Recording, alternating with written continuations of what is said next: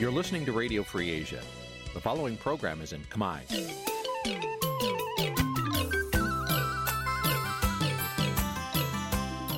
Nǐ chi càm bi tiệp xáy vệt chiu a zì sê ray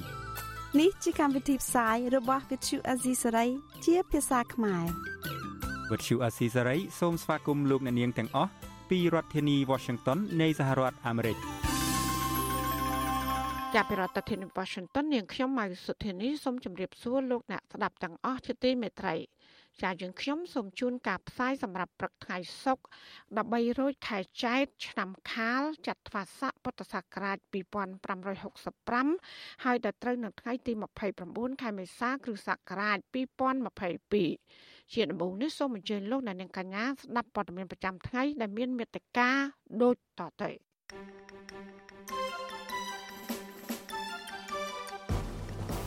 អ្នកវិភាគថាលោកហ៊ុនសែនប្រើថវិកាជាតិជួលមនុស្សឲ្យមកទទួលលោកនៅរដ្ឋធានី Washington លោកហ៊ុនសែនសំទោសមន្ត្រីរាជការដែលសារតែមិនបានដំឡើងប្រាក់បៀវត្ស2ឆ្នាំមជ្ឈមណ្ឌលសិទ្ធិមនុស្សកម្ពុជាអំពាវនាវឲ្យអាជ្ញាធរទម្លាក់ចោលរាល់ការចោទប្រកាន់លើអតីតអ្នករាយការណ៍ព័ត៌មានវិទ្យុអាស៊ីសេរី អ្នកជំនាញណែនាំឲ្យប្រដ្ឋម្ចាស់ឆ្នោតផ្ទៀងផ្ទាត់ព័ត៌មានគ្រប់ជ្រុងជ្រោយមុនការបោះឆ្នោត រួមនឹងព័ត៌មានផ្សេងផ្សេងមួយចំនួនទៀតជាបន្តទៅទៀតនេះនាងខ្ញុំម៉ៅសុធានីសូមជូនព័ត៌មានទាំងនោះពឺស្ដាប់ ចាលោកនានីតិមេត្រីលោកនាយករដ្ឋមន្ត្រីហ៊ុនសែនប្រកាសថាលោកនឹងទៅចូលរួមកិច្ចប្រជុំកម្ពុជាពិសេសអាស៊ានអាមេរិកនៅក្នុងខែឧសភាខាងមុខតាមការអញ្ជើញរបស់ប្រធានាធិបតីសហរដ្ឋអាមេរិក នៅទន្ទឹមនឹងគណៈបពប្រឆាំងត្រៀមខ្លួនធ្វើបាតកម្មប្រឆាំងនឹងវត្តមានរបស់លោកនោះលោកហ៊ុនសែនក៏បានអះអាងថាលោកក៏មានប្រជាប្រដ្ឋជាង1000នាក់រងចាំទទួលស្វាគមន៍លោកនៅរដ្ឋធានី Washington នេះដែរចាលោកទីនតាការយារីកាព័ត៌មាននេះលោកហ៊ុនសែនប្រកាសក្នុងពេលជួបកីឡាករកីឡាករនីមុនពេលទៅប្រកួតកីឡា SEA Games នៅប្រទេសវៀតណាមកាលពីថ្ងៃទី28មេសាថាលោកនឹងទៅដល់សហរដ្ឋអាមេរិកនៅថ្ងៃទី10ឧសភាខាងមុខ ដើម្បីចូលរួមកិច្ចប្រជុំកំពូលពិសេសអាស៊ានអាមេរិកលោកហ៊ុនសែនអះអាងថាមានបរិវត្តខ្មែរជាង1000នាក់រងចាំទទួលស្វាគមន៍លោកនៅឯរដ្ឋធានី Washington ថ្ងៃ10ល្ងាចថ្ងៃ10ខ្ញុំទៅដល់ថ្ងៃ10និងថ្ងៃ11គឺខ្ញុំធ្វើការជាមួយប្រជាពលរដ្ឋខ្មែរយើងនៅទីនោះដែលអាចនឹងមានការជួបជុំប្រមាណជាជាង1000នាក់ក៏កន្លែងដាក់មានតែប៉ុណ្ណឹងប៉ុន្តែថ្ងៃថ្ងៃ10ខ្ញុំជួបបងប្អូនខ្មែរយើងមួយចំនួនមុនថ្ងៃ11ជួបទងទាយធំប្រមាណជា1000នាក់ ថ្ងៃ12ថ្ងៃ13ហ្នឹងគឺប្រជុំ2ថ្ងៃថ្ងៃ14ហោះមកវិញថ្ងៃ15មកដល់នេះការលើកឡើងរបស់លោកហ៊ុនសែននេះនៅក្រៅពេលគណៈបកប្រឆាំងបានប្រកាសថានឹងហាយក្បួនបាតកម្មប្រឆាំងនឹងវត្តមានលោកហ៊ុនសែននៅរដ្ឋធានីវ៉ាស៊ីនតោននៅថ្ងៃទី12ឧសភាគឺចំថ្ងៃទី1នៃកិច្ចប្រជុំកំពូលពិសេសអាស៊ានអាមេរិកអគ្គលេខាធិការគណៈបកសង្គ្រោះជាតិសហរដ្ឋអាមេរិកលោករីគៀមានប្រសាសន៍ថា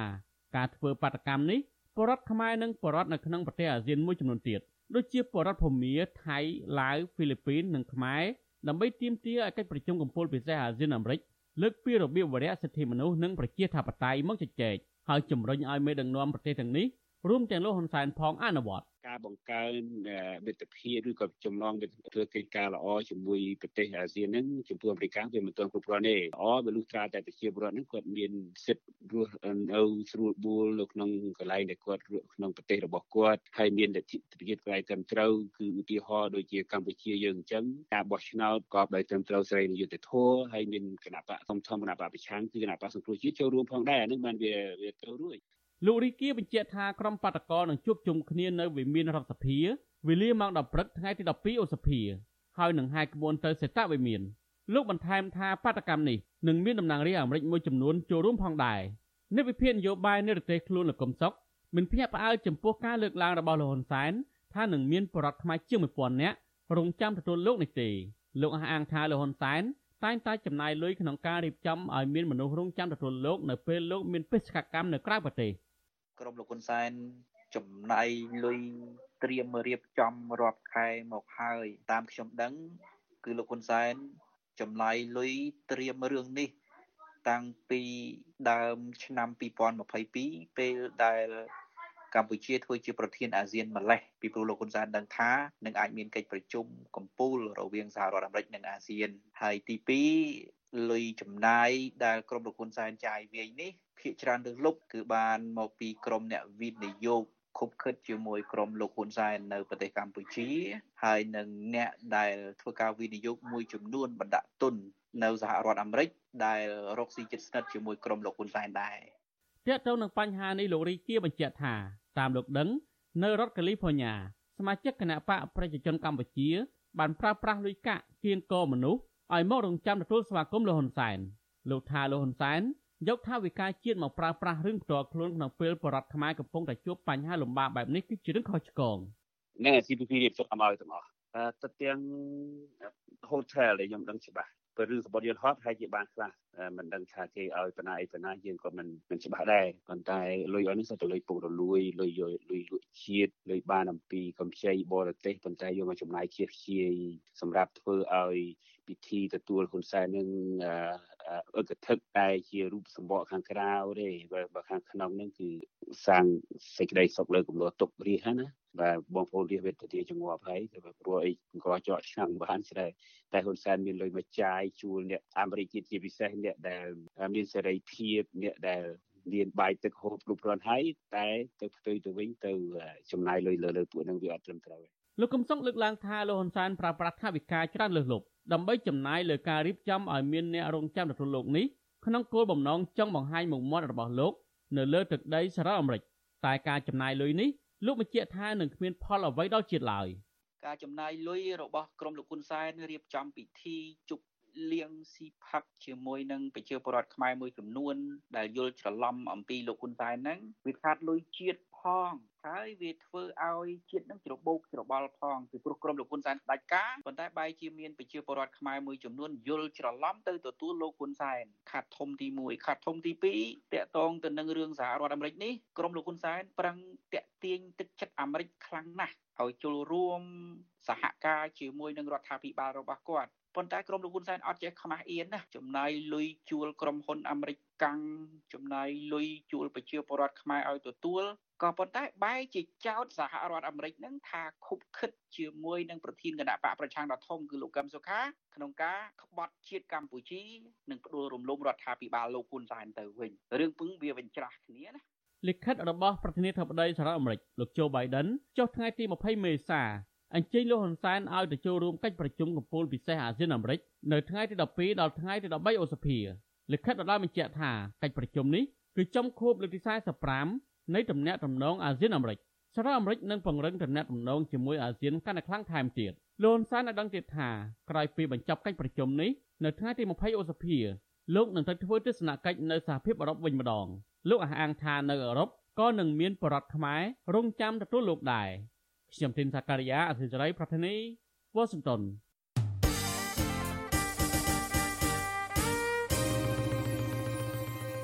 ចាលោកនាយកទីមេត្រីលោកហ៊ុនសែនកាលពីថ្ងៃម្សិលមិញក៏បានសុំអភ័យទោសដល់មន្ត្រីរាជការនិងកងកម្លាំងប្រដាប់អាវុធ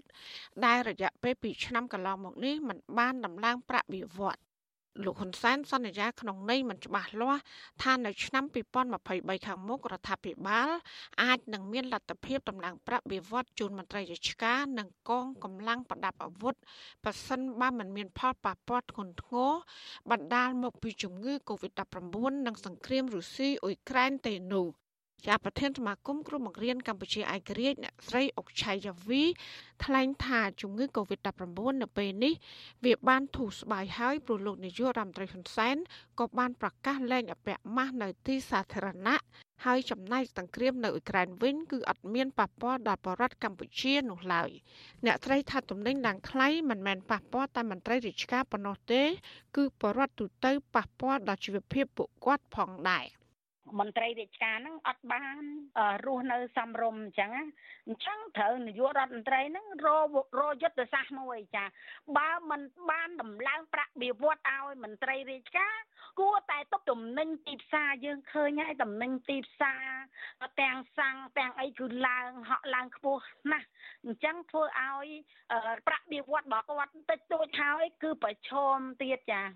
ចាលោកនាយករដ្ឋមន្ត្រីហ៊ុនសែនហាក់មិនសូវយកចិត្តទុកដាក់ក្នុងការតម្លើងប្រាក់ខែដល់មន្ត្រីរាជការស៊ីវិលនិងកងកម្លាំងប្រដាប់អាវុធនោះឡើយទោះយ៉ាងណាដោយសារតែគណៈបញ្ញយោបាយប្រឆាំងនិងក្រុមអង្គការសង្គមស៊ីវិលចាញ់មុខតស៊ូទាមទារតម្លើងប្រាក់ខែជូនមន្ត្រីរាជការស៊ីវិលនិងកងកម្លាំងប្រដាប់អាវុធជាញឹកញាប់នេះហើយទើបធ្វើឲ្យរដ្ឋាភិបាលកិត្តគូតម្លើងប្រាក់ខែជាបន្តបន្ទាប់នាពេលកន្លងមកនេះ។ ចាលោកនាងជាទីមេត្រីក្រោយទៅពីការស្ដាប់ការផ្សាយរបស់វិទ្យុអសីស្រីតាមបណ្ដាញសង្គម Facebook និង YouTube លោកនាងកញ្ញាក៏អាចស្ដាប់ការផ្សាយរបស់យើង តាមរយៈរលក ធាតុអាកាសខ្លីឬ Short Wave ដូចតទៅចាប់ពីព្រឹកចាប់ពីម៉ោង5កន្លះដល់ម៉ោង6កន្លះគឺតាមរយៈរលកធាតុអាកាសខ្លី12140 kHz ស្មើនឹងកម្ពស់ 25m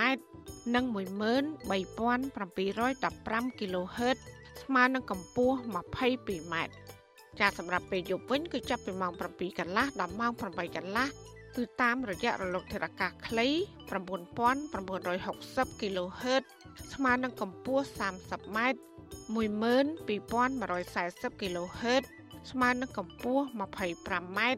ហើយនឹង11885 kHz ស្មើនឹងកម្ពស់ 25m ចាសសូមអរគុណចាលោកនានីជាទីមេត្រីអ្នកវិភាគនយោបាយនិងអ្នកតាមដានស្ថានភាពសង្គម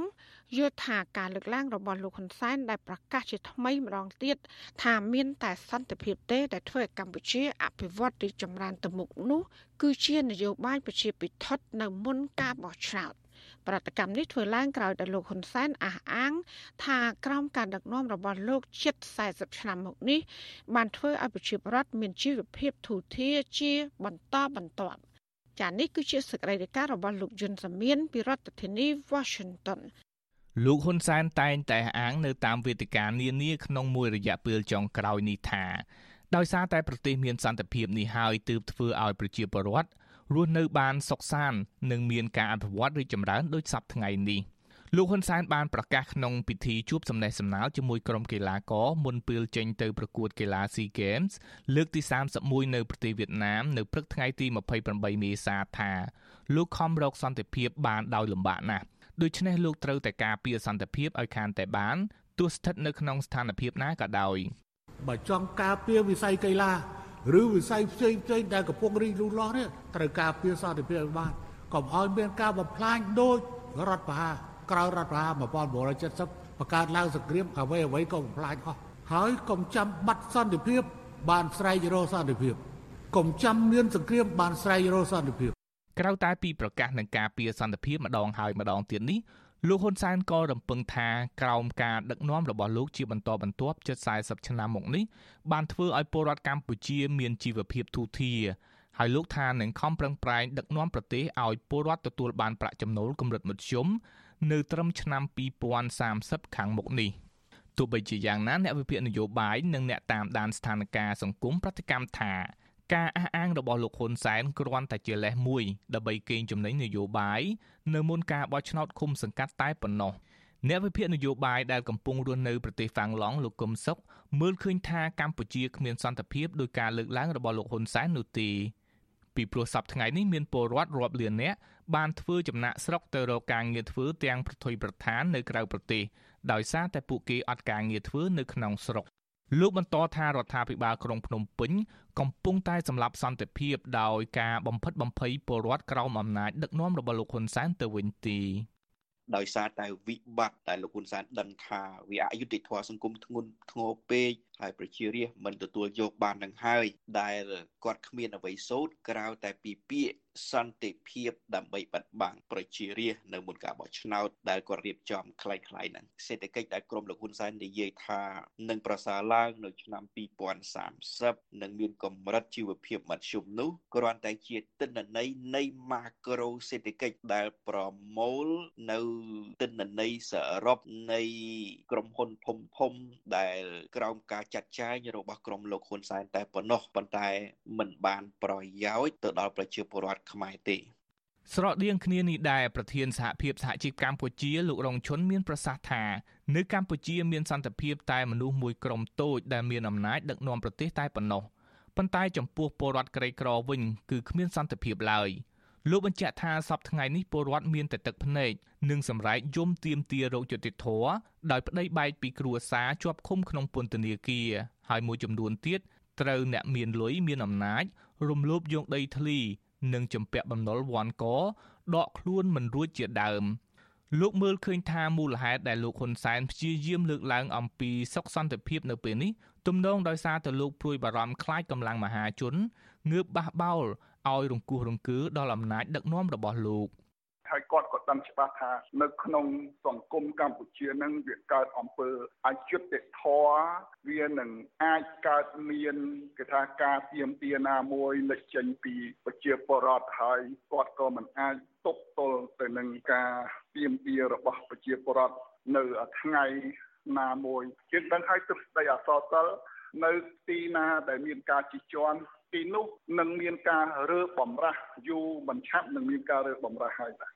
អ្នកវិភាគនិងអ្នកឃ្លាំមើលសង្គមកម្ពុជាយល់ថាដើម្បីឲ្យប្រទេសមានសន្តិភាពពិតប្រាកដលុះត្រាតែរដ្ឋាភិបាលបើកទូលាយឲ្យប្រជាពលរដ្ឋមានសិទ្ធិសេរីភាពសម្ដែងមតិបើកឲ្យមានការប្រកួតប្រជែងការបោះឆ្នោតដោយស្មើភាពគ្នាគ្រប់គណៈបកនយោបាយប្រកបដោយភាពសុក្រិតនិងយុត្តិធម៌តាមគោលការណ៍លទ្ធិប្រជាធិបតេយ្យជាពិសេសលោកហ៊ុនសែនត្រូវហ៊ានឈរដោយរឹងមាំការពារអធិបតេយ្យភាពរបស់ជាតិ ពីការឈ្លានពានគ្រប់ទម្រង់ពីប្រទេសជិតខាងខ្ញុំយុនសាមៀនវិទ្យុអាស៊ីសេរីប្រធានាធិបតី Washington thank you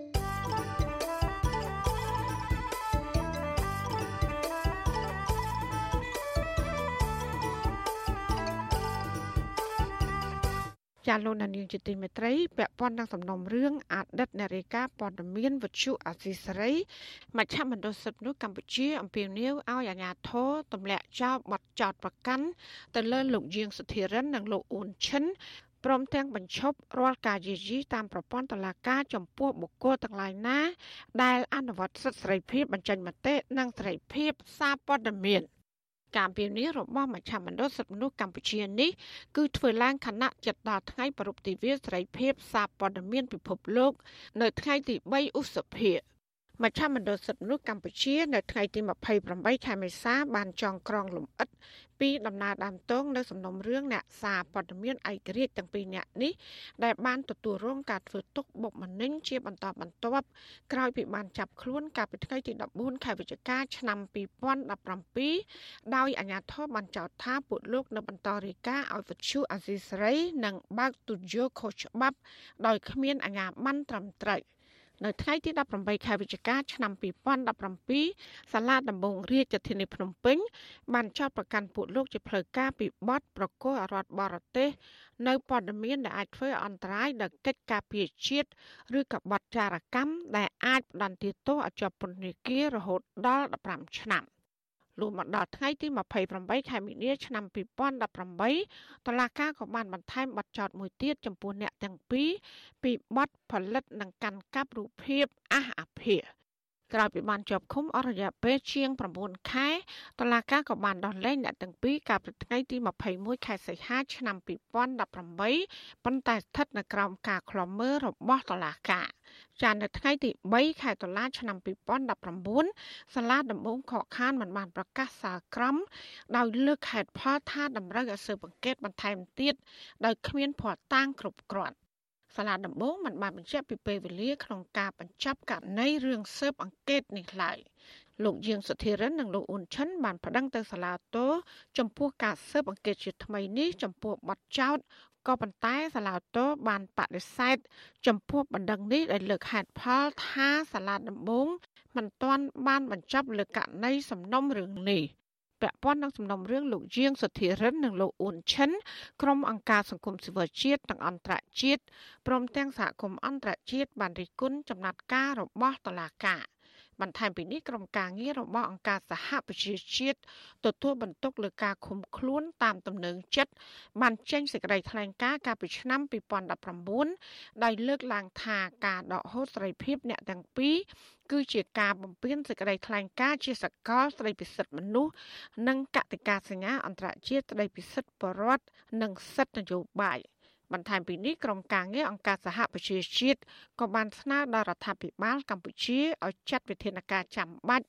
ដើម្បីដោះស្រាយករណីរបស់អ្នកសារព័ត៌មានទាំងពីររូបនេះ ទោះយ៉ាងណារហូតមកដល់ពេលនេះលោកជាងសុធិរិននិងលោកអ៊ុនឈិននៅតែបន្តដាក់ឲ្យស្ថិតក្រោមភាពមិនច្បាស់លាស់ផ្នែកផ្លូវច្បាប់អស់រយៈពេលជាង4ឆ្នាំមកហើយដោយរងការគំរាមកំហែងពីបទចោទប្រកាន់ប្រមត្តនទោះបីជាគ្មានភស្តុតាងគ្រប់គ្រាន់ដើម្បីចោទប្រកាន់ច្បាស់លាស់ក៏ដោយ កាលពីថ្ងៃទី7ខែមេសាឆ្នាំ2022ចៅក្រមសាលាដំបងរាជធានីភ្នំពេញបានបដិសេធដំណើរសុំលិខិតឆ្លងដែនរបស់លោកយាងសុធិរិនដើម្បីយកទៅប្រើប្រាស់សម្រាប់ទៅចូលរួមកិច្ចប្រជុំក្នុងមហាសន្និបាតប្រចាំឆ្នាំ របស់សមាគមកម្ពុជាក្រោមនៅសហរដ្ឋអាមេរិក របាយការណ៍ថ្មីៗនេះរបស់មជ្ឈមណ្ឌលកម្ពុជា ដើម្បីប្រព័ន្ធផ្សព្វផ្សាយឯករាជ្យហៅកាត់ថា CCIM ក៏បានរកឃើញថាអ្នកសារព័ត៌មាននៅតែប្រឈមការធ្វើទុកបុកម្នេញរងសម្ពាធនយោបាយ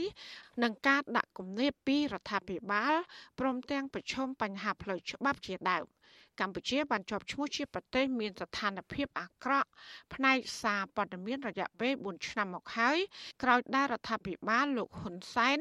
បានបើកយុទ្ធនាការកម្ចាត់ស្ថាប័នព័ត៌មានឯករាជ្យធំធំ នៅក្នុងប្រទេសកាលពីចុងឆ្នាំ2017និងចាប់អ្នកសារព័ត៌មានជាច្រើនអ្នកដាក់ពន្ធនាគារដោយខ្វះមូលដ្ឋានច្បាប់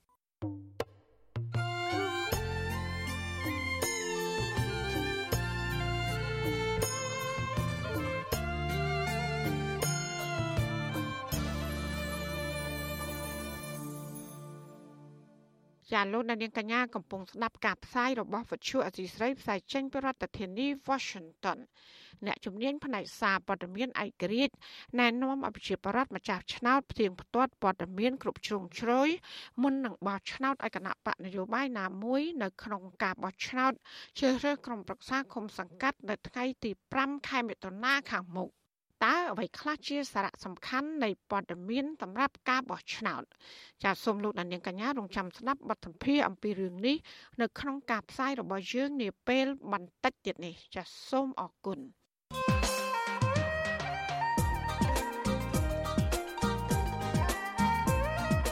លោកដានៀងជាទីមេត្រីគម្រោងខ្លំមើលត្រីភាពមូលដ្ឋាន រកឃើញថាក្នុងឆ្នាំ2021កន្លងទៅអាជ្ញាធររដ្ឋាភិបាលបានបើកយុទ្ធនាការបង្ក្រាបលើសេរីភាពបញ្ចេញមតិនិងធ្វើទុកបុកម្នេញគណៈបកប្រឆាំងកាន់តែខ្លាំងបន្ថែមពីនេះរដ្ឋាភិបាលក៏បានអនុវត្តច្បាប់មួយចំនួនបន្ថែមទៀតដែលរដ្ឋបិទសិទ្ធិសេរីភាពជាមូលដ្ឋានរបស់ប្រជាពលរដ្ឋ តើអាជ្ញាធររដ្ឋាភិបាលបង្ក្រាបនឹងការរដ្ឋបិទសិទ្ធិសេរីភាពបញ្ចេញមតិបែបណាខ្លះហើយច្បាប់ណាខ្លះដែលរដ្ឋាភិបាលបានអនុម័តក្នុងឆ្នាំ2021ដែលជាច្បាប់បំបិទសិទ្ធិសេរីភាពរបស់ប្រជាពលរដ្ឋចាលោកដានៀងនឹងបានស្ដាប់ការបកស្រាយទៅនឹងសំណួរទាំងនេះនៅក្នុងនេតិវេទិកាអ្នកស្ដាប់វិទ្យុអសីស្រីនៅជប់ថ្ងៃសុក្រនេះ។ ចាលោកណានៀងអាចសាកសួរវាគ្មិនរបស់យើងឬក៏បញ្ចេញមតិយោបល់សូមលោកណានៀងដាក់លេខទូរស័ព្ទរបស់លោកអ្នកនៅក្នុងខ្ទង់ comment របស់ Facebook និង YouTube អាស៊ីសេរីក្រុមការងាររបស់យើងនឹងហៅទៅលោកណានៀងវិញចានៅរាត្រីថ្ងៃសុក្រនេះដែរយើងក៏នឹងមានវាគ្មិនពិសេសមួយរូបទៀតដែលនឹងមកចូលរួមជាវាគ្មិនកិត្តិយសបន្ទាប់ពីនេតិវេទិកាអ្នកស្ដាប់វិទ្យុអាស៊ីសេរី ចាលោកសំរងស៊ីប្រធានស្ដីទីគណៈបកសង្គ្រោះជាតិនឹងមកជម្រាបជូនលោកនាង អំពីបេសកកម្មរបស់លោកថ្មីថ្មីនេះនៅឯសហភាពអឺរ៉ុបចាលោកសំរងស៊ីក៏បានជួបអ្នកមុខអ្នកការជាច្រើនអ្នកដើម្បីស្វែងរកដំណោះស្រាយនយោបាយនៅកម្ពុជាតើលោកសំរងស៊ីបានជួបអ្នកណាខ្លះហើយសង្ឃឹមថានឹងមានដំណោះស្រាយនយោបាយនៅកម្ពុជាដែរឬទេ ចាសសូមលោកនាងកញ្ញារងចាំទស្សនាបទសម្ភាសជាមួយលោកសំរងស៊ីនៅរាត្រីថ្ងៃសុក្រនេះកុំបីអខានចាសសូមអរគុណ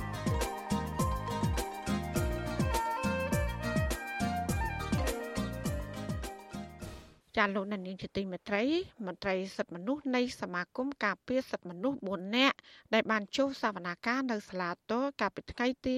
28ខែមេសាម្សិលមិញ សង្ឃឹមថាតឡាការនឹងផ្ដល់យុត្តិធម៌ដល់ពួកគាត់ក្នុងសំណុំរឿងសូប៉ាន់សាក់សីកាលពីជិត5ឆ្នាំមុនចាតឡាការជាន់ខ្ពស់មួយនេះក្រុងនឹងប្រកាសសេចក្តីសម្រេចលើសំណុំរឿងនេះនៅថ្ងៃទី23ខែឧសភាខាងមុខ ចាលោកទៀនសាករាយាមានសេចក្តីរាយការណ៍មួយទៀតជុំវិញរឿងនេះដូចតទៅសវនកម្មនេះមានការចូលរួមពីមន្ត្រីសិទ្ធិមនុស្សនៃសមាគមអាតហុកលោកនេះសុខាលោកយីសុកសានអ្នកស្រីលឹមមនីនិងមន្ត្រីសិទ្ធិមនុស្សម្នាក់ទៀតគឺលោកណៃបងដាតែអវត្តមានអគ្គលេខាធិការរងនៃកោជបគឺលោកនេះចារ្យាមន្ត្រីសិទ្ធិមនុស្សដែលរងការចាប់ប្រកាន់នឹងអ្នកខ្លាំមើលតុលាការនៅតែសោកស្ដាយដល់តុលាការជាន់ខ្ពស់មួយនេះមិនបានកោះហៅដល់បណ្ដឹង និងសាកសីមកឆ្លើយបំភ្លឺនៅតុលាការមន្ត្រីសិទ្ធិមនុស្សក៏ភ្ញាក់ផ្អើលនៅពេលពួកគេបានឃើញមានបណ្ដឹងមួយទៀតពីតំណាងអัยការដែលមិនពេញចិត្តនឹងការសម្រេចឲ្យពួកគេទាំងនោះនៅក្រៅឃុំកាលពីឆ្នាំ2017មន្ត្រីសិទ្ធិមនុស្សនៃសមាគមការពារសិទ្ធិមនុស្សអាត់ហុកលោកយីសុកសានថ្លែងប្រាប់អ្នកសារព័ត៌មានក្រោយការចាប់សវនាការថាលោកបានស្នើសុំតុលាការឲ្យផ្តល់សេរីភាពពេញលេញដល់លោកនិងអ្នកផ្សេងទៀតដោយទម្លាក់ចោលការចាប់ប្រកាន់លោកបន្តថាការចោទប្រកាន់ ថាពួកលោកសុកប៉ាន់សាកសីនោះគឺគ្មានភ័ស្តុតាងដាក់បន្ទុកគ្រប់គ្រាន់នោះទេលោកស្នើឲ្យស៊ើបឲ្យឃើញតើលោកទទួលបានអ្វីពីសាកសីនៃការសុកប៉ាន់នេះលោកយីសុកសានសោកស្ដាយដែលសាលាអូថូមិនបានផ្ដល់យុត្តិធម៌ជូនពួកលោកក្នុងពេលនេះចោតប្រកាន់ទៅពាក់ព័ន្ធទៅរឿងសោកប៉ាន់សាស្អីវាទាល់តែមានស្អីតែខ្ញុំចង់បានស្អីពីខំចន្ទរាទីមានស្អីដែលយកខ្ញុំទៅសោកគាត់យកអីវាអត់មានខ្ញុំមានតែជួយគាត់ ចំណុចនេះដែលតឡាការខ្ញុំស្រែសុំឲ្យតឡាការគឺពិចារណាវិនិច្ឆ័យឲ្យពួកខ្ញុំមានសេរីភាពសវនកម្មមានការឃ្លាំមើលពីស្ថានទូតប្រទេសប្រជាធិបតេយ្យប្រចាំនៅកម្ពុជាមន្ត្រីអង្គការសង្គមស៊ីវិលជាតិអន្តរជាតិនិងអ្នកសារព័ត៌មានដោយឡែកនាងខំចន្ទរាទីហៅសេរីមុំដែលបដូរពិសាកសីខ្លាយទៅជាដើមបណ្ដឹងនៅក្នុងសំណុំរឿងនេះនិងសាកសីដាក់បន្ទុកម្នាក់ទៀតគឺអ្នកស្រីមេធាវីត្រីជួនមិនបានចូលបំភ្លឺនៅសាលាឧទ្ធរថ្ងៃនេះដដែល អ្នកតាមដានពីដំណើររឿងក្តីនេះនាយិកាមជ្ឈមណ្ឌលសិទ្ធិមនុស្សកម្ពុជាអ្នកស្រីចောက်សុភាពរិះគន់តុលាការដែលនៅតែបន្តអនុញ្ញាតឲ្យមន្ត្រីអង្គភាពប្រឆាំងអំពើពុករលួយចូលថតវីដេអូក្នុងបន្ទប់សវនាការគណៈអង្គភាពប្រឆាំងអំពើពុករលួយ ជាភាគីចៅប្រកាន់លើមន្ត្រីអង្គការសង្គមស៊ីវិលអ្នកស្រីសោកស្ដាយចំពោះអវត្តមានដើមបណ្ដឹងនិងសាកសីដាក់បន្ទុកអ្នកស្រីចោទសភាពអះអាងថាសំណុំរឿងនេះគ្មានធាតុផ្សំគ្រប់គ្រាន់ក្នុងការចោទប្រកាន់លើមន្ត្រីសិទ្ធិមនុស្សទាំងនេះទេ ការសម្រេចរបស់សាលាធរយើងអត់ទាន់ដឹងមកទេប៉ុន្តែបើសិនជាសាលាធរធ្វើការសម្រេចក្នុងនៃដែលអាចប៉ះពាល់ដល់ប្រយោជន៍របស់ពួកគាត់ទាំង4រូបហ្នឹងខ្ញុំគិតថាជារឿងមួយអយុត្តិធម៌មែនតើដោយសារហេតុអីពួកគាត់បានចូលរួមទៅសហការជាមួយនឹងដំណើរនីតិវិធីតាំងពីដើមរហូតមកដល់ពេលនេះប៉ុន្តែដើមមិនដឹងឲ្យស័ក្តិសិទ្ធិដែលបានដាក់បន្ទុកលើពួកគាត់ទេដែលអវត្តមាន កាលពីឆ្នាំ2016អង្គភាពប្រឆាំងអំពើពុករលួយ បានកសាងសំណុំរឿងចោទប្រកាន់មន្ត្រីការពារសិទ្ធិមនុស្សអាត់ហុកទាំង3រូបគឺលោកនីសុខាលោកយីសុកសាននិងស្រីលឹមមនីនិងមន្ត្រីសិទ្ធិមនុស្សម្នាក់ទៀតគឺលោកណៃវងដាដែលកាលនោះលោកនៅបម្រើការងារនៅសមាគមអាត់ហុករួមទាំងអគ្គលេខាធិការរងគណៈកម្មាធិការជាតិរៀបចំការបោះឆ្នោតកោជបលោកនីចារ្យាដែលលោកជាអតីតមន្ត្រីការពារសិទ្ធិមនុស្សអាត់ហុកដែរ អង្គភាពប្រឆាំងអំពើពុករលួយបានចាប់ប្រកាន់អ្នកទាំងនេះពីបទសោកប៉ាន់សាក់សីនាងខំចន្ទរទីហៅស្រីមុំដែលជាប់ពាក់ព័ន្ធនឹងសំណុំរឿងប្រធានគណៈបកប្រឆាំងលោកកម្មសខាដែលជាជនរងគ្រោះសមាគមអាត់ហុកបានជួយនោះបានក្លាយជាដើមបណ្ដឹងទៅវិញតឡាកាបានផ្តន្ទាទោសមន្ត្រីសិទ្ធិមនុស្សទាំងនេះដាក់ពន្ធនាគារ5ឆ្នាំប៉ុន្តែអនុវត្តទោសក្នុងពន្ធនាគារចំនួន14ខែទោសនៅសល់ត្រូវព្យួរក្រោមបទសំគំនិតនិងសុកប៉ាន់សាក់សីនេះទោះបីជាមានការដោះលែងវិញកាលពីឆ្នាំ2017ក៏ដោយ ក្រុមមន្ត្រីសិទ្ធិមនុស្សទាំងនេះមិនសុខចិត្តនោះទេពួកគេបានសម្រេចប្តឹងទាស់ការសម្រេចរបស់សាលាដំបងមកសាលាឧទ្ធរកាលពីខែតុលាឆ្នាំ2018សាលាធរក្រុងនឹងប្រកាសសេចក្តីសម្រេចលើសំណុំរឿងនេះនៅព្រឹកថ្ងៃទី23ខែឧសភាខាងមុខខ្ញុំទីនសាការីយ៉ាអសិលសេរីប្រធានីវ៉ាស៊ីនតោន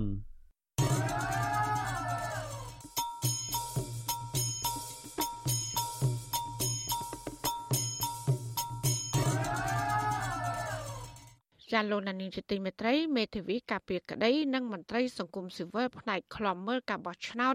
ប្រតិកម្មចំពោះអាញាធរនិងតឡាការក្រុងភ្នំពេញ ដែលបានចាប់និងឃុំខ្លួនស្ថាបនិកគណៈបកបេដងជាតិលោកសៀមភ្លុកពួកគេថាចំណាត់ការរបស់អាញាធរនិងតឡាការនេះគឺធ្វើឡើងមិនសមស្របតាមនីតិវិធីច្បាប់ និងជាការបំបិតសិទ្ធិសេរីភាពនយោបាយ ការបញ្ចេញប្រតិកម្មនេះបន្ទាប់ពីតឡាការក្រុងភ្នំពេញបានសម្រេចឃុំខ្លួនលោកសៀមភ្លុកនៅក្នុងពន្ធនាគារប្រៃសណកាលពីថ្ងៃទី27ខែមេសាចានេះគឺជាសកម្មភាពរបស់លោកសនច័ន្ទរដ្ឋាជំវិញព័ត៌មាននេះមេធាវីការពីក្តីនឹងមន្ត្រីសង្គមស៊ីវិលផ្នែកខ្លំមើលការបោះឆ្នោតចាត់ទុកការឃុំខ្លួនស្ថាបនិកគណៈបកបដងជាតិលោកសៀមភ្លុកថាជារឿងអយុត្តិធម៌និងការដែលធ្វើបរិយាកាសនយោបាយក្នុងសង្គមប្រជាធិបតេយ្យ មានភាពអាប់អូរបន្ថែមទៀតមេធាវីការពីក្តីលោកសៀមភ្លុកគឺលោកជួងជងីពិនិត្យឃើញថាចំណាត់ការរបស់ប៉ូលីសនិងតុលាការក្នុងសំណុំរឿងលោកសៀមភ្លុកនេះមិនស្របតាមនីតិវិធីច្បាប់នោះទេលោកបញ្យលថាទី1នៃការកោះហៅលោកសៀមភ្លុកឲ្យចូលខ្លួនបំភ្លឺពេលកន្លងមកនេះមិនទាន់បានដកដៃលោកសៀមភ្លុកផងបែរជាតុលាការជានៃការបង្កប់ឲ្យសមាជិកនាំខ្លួនក៏មានទៀតទី2នៃការបង្កប់ឲ្យនាំខ្លួនលោកសៀមភ្លុកត្រូវបានផុតកំណត់ការពីថ្ងៃទី25ខែមេសា បែរជាប៉ូលីសនៅតែបន្តចាប់ខ្លួនលោកសៀមភ្លុកនៅថ្ងៃទី27ខែមេសាទៅវិញទាំងដែលមិនទាន់ឃើញតុលាការជានិកាថ្មីនៅឡើយ។ ករណីសៀមភ្លុកនេះដែលក្រុមអត់មានចេញដីកាថ្មីទេបែរជានគរបាលគាត់យកដីកានឹងទៅអនុវត្តគឺអានឹងខុសច្បាប់កន្លែងហើយហើយព្រះអញ្ញាឬក្តីជាក្រុមស៊ើបសួរក្តីត្រូវចាត់វិធានការចំពោះនគរបាលដែលគាត់អនុវត្តខុសហ្នឹងលុះត្រាតែមានដីកាថ្មីយកទៅអនុវត្តអានឹងគឺអត់មានបញ្ហាបាទហើយកន្លងមកខ្ញុំជួបក្នុងអាជីពមេធាវីខ្ញុំជិត20ឆ្នាំជួបករណីជាច្រើនដែលនគរបាលយុទ្ធធរធ្វើអត់ត្រឹមត្រូវប៉ុន្តែពេលដែលជួបមកព្រះអញ្ញាជួបមកជាក្រុមស៊ើបគាត់ចាត់ការបន្តក្នុងន័យថាគ្រប់គ្រងចំណាត់ការខុសឆ្គងរបស់នគរបាលយុតិធម៌លោកជួនជំងឺបន្តថាផ្អែកតាមលក្ខខណ្ឌច្បាប់និងអង្គហេតុតុលាការមិនត្រូវចាប់ឃុំខ្លួនលោកសៀមផ្លូតទេហើយក្រសួងមហាផ្ទៃគួរចុះបញ្ជីគណៈបកតាមការស្នើសុំរបស់អ្នកនយោបាយរូបនេះលោកជួនជំងឺយល់ថាការចាប់ប្រកាន់និងការចាប់ឃុំខ្លួនលោកសៀមផ្លុកក្នុងពន្ធនាគារនេះគឺជាការគម្រាមកំហែងនិងមកបិទសិទ្ធិនយោបាយរបស់ពលរដ្ឋដែលផ្ទុយពីគោលការណ៍ប្រជាធិបតេយ្យសេរីពហុបកនៅកម្ពុជាក្រសួងម ហាផ្ទៃធ្វើកសលវិច័យតែឯកតោភាគីទេអត់មានតំណាងគណៈវិដូចចិត្តទៅចូលរួមការពិនិត្យមើលតើតើធ្វើកសលវិច័យនឹងត្រឹមត្រូវមិនត្រឹមត្រូវយកស្នាមមេដៃពីខាងណាយកមកធ្វើកសលវិច័យអញ្ចឹងទៅវាមានការអាត់កបាំងសួងមហាផ្ទៃជាអ្នកដឹងប៉ុន្តែសួងមហាផ្ទៃជាអ្នកពិនិត្យកសលវិច័យដោយខ្លួនឯងគឺមិនត្រឹមតែមិនចុះបញ្ជីឲ្យគាត់ទេថាអញ្ចឹងចោទប្រកាន់គាត់មកតុលាការឥឡូវចាប់គាត់ដាក់គុកបាត់ទៀតហើយម្យ៉ាងទៀតក្នុងករណីថាមានការខ្លែងស្នាមមេដៃក៏ដោយស្មារតីច្បាប់ការខ្លែងបន្លំមានទោសលុះត្រាតែវាផ្ដោតជាក់ស្ដែងកម្មវាផ្ដោតផលវិបាកផ្ទៃយន្តតើវាផ្ដោតផលវិបាកផ្ទៃយន្តអ្វីតើតើវាផ្ដល់ជាសនកម្មផ្ដល់ការខូចខាតប្រយោជន៍ដល់សុមាផ្ទៃអ្វីខ្លះខ្ញុំមើលទៅវាអត់មានឃើញសុមាផ្ទៃថាស្នាមមេដៃជាង200មានបញ្ហាប៉ុន្តែស្នាមមេដៃ4000ជាងទៀតនោះវាអត់មានបញ្ហាត្រូវចុះឈ្មោះអីគេចៅក្រមស៊ើបសួរសាលាដំបងរាជធានីភ្នំពេញលោកលីសុខាបានជាដីកាចុះកាលពីថ្ងៃទី27ខែមេសាបង្កប់ឲ្យឃុំខ្លួនបណ្ដោះអាសន្នស្ថាបនិកគណៈបកបដងជាលោកសៀមភ្លុងនៅពន្ធនាគារព្រៃសរម1បន្ទាប់ពីខកខ្លួនលោកនៅថ្ងៃដដែល តុលាការបានចាប់ប្រកាន់លោកពីបទក្លែងបន្លំនិងប្រើប្រាស់លិខិតក្លែងពាក់ព័ន្ធនឹងការស្នើសុំបង្កើតគណៈបកបដងជាតិកាលពីឆ្នាំ2021អ្នកសម្របសម្រួលផ្នែកអង្គការនិងតស៊ូមតិនៃគណៈកម្មាធិការដើម្បីការបោះឆ្នោតដោយសេរីនិងយុត្តិធម៌នៅកម្ពុជាហៅកាត់ថា Confrel លោកកនស្វាងលើកឡើងថាករណីស្នើសុំបង្កើតគណៈបកនយោបាយនេះមិនគួរឈានដល់ការចាប់ឃុំខ្លួនលោកសៀមផ្លុននោះទេលោកបញ្ជាក់ថាក្នុងច្បាប់ស្តីពីគណៈបកនយោបាយគ្មានចំណុចណាមួយអនុញ្ញាតឲ្យក្រសួងមហាផ្ទៃប្តឹងបរន ដែលស្នើសុំបង្កើតគណៈបកនយោបាយទៅតុលាការទេគឺត្រឹមតែបដិសេធមិនចុះបញ្ជីឬក៏ណែនាំឲ្យកែតម្រូវចំណុចណាមួយដើម្បីអាចចុះបញ្ជីគណៈបកនយោបាយបាន។ ការប្តឹងមិនចូលបញ្ជីដោយយល់ទៅលើស្នាមមេដៃខុសអីមិនត្រឹមត្រូវអីនេះគឺថាខ្ញុំបានតាមដានវាដែរឃើញទេទើបតែអាណត្តិមួយនេះដែលមានករណីនឹងកើតឡើងដែលខ្ញុំមានការព្រួយបារម្ភដែរណាថាតើបញ្ហាហ្នឹងតើដោះស្រាយយ៉ាងម៉េចហើយបើសិនជាការប្រើប្រាស់ដោយតឡាការពេលបច្ចុប្បន្ននេះវាជាបញ្ហាមួយដែលវាប៉ះពាល់ដល់សិទ្ធិនៅក្នុងដំណើរការផ្នែកនយោបាយដែលជាបរិបទគ្រប់រូបចូលរួមហ្នឹងគឺថាវាមានបញ្ហាហើយអញ្ចឹងហើយបានជាចំណុចហ្នឹងសម្រាប់ខ្ញុំខ្ញុំយល់ឃើញថាមិនគួរណាប្រើប្រាស់តឡាការយកមកដោះស្រាយទេគឺវាជារឿងដែលត្រូវតែគោរពទៅតាមច្បាប់គណៈបកនយោបាយតែត្រឹមតែបដិសេធឬក៏ទទួលយកតែប៉ុណ្ណឹងចោះបាទជុំវិញការរិះគន់ពីមេធាវីការពីក្តីនឹងមន្ត្រីអង្គការសង្គមសវបែបនេះប្រធានសាលាដំបងរាជធានីភ្នំពេញលោកតាំងសឡាយថ្លែងថាលោកមិនអាចបញ្ជាមតិយោបល់រឿងនេះបានទេអឺក្រុមធ្វើគាត់សម្រាប់សើអឺឃុំឃុំអីឲ្យខ្ញុំឲ្យយោបល់មិនកើតឲ្យធ្វើមិនចឹងឲ្យឡើងតាមគាត់ខ្ញុំទៅឲ្យគាត់ដឹងទៅតែគាត់ដឹងទៅតែខ្ញុំអត់មានយោបល់ទេ ការប្រឹងផ្ដោតស្ថាបនិកគណៈបកបដងជាតិទៅតុលាការបន្ទាប់ពីអ្នកនាំពាក្យក្រសួងមហាផ្ទៃលោកខៀវសុភ័ក្រនិងអ្នកនាំពាក្យគណៈបកកណ្ដាលអំណាចលោកសុកអេសានចោទថាគណៈបកនេះមានលោកសំរងស៊ីនៅពីក្រោយករណីនេះនាំឲ្យមានការរិះគន់ពីអ្នកតាមដានស្ថានភាពនយោបាយថាការចាត់វិធានការលោកសៀមភ្លុកនេះជារឿងនយោបាយសុទ្ធសាធបើទោះបីជាយ៉ាងណាលោកមេធាវីជួនជងីបញ្ជាក់ថាលោកក្រុងជួបគុំក្តីរបស់លោកក្នុងពន្ធនាគារនៅថ្ងៃទី29ខែមេសាស្អែកនេះដើម្បីជជែកអំពីសិទ្ធិ និងផ្លូវច្បាប់ក្នុងការប្តឹងតវ៉ាជំទាស់ចំពោះការឃុំខ្លួនលោកនេះខ្ញុំសនចាររថាវិទ្យុអេស៊ីសេរីរាយការណ៍ពីរដ្ឋធានីវ៉ាស៊ីនតោន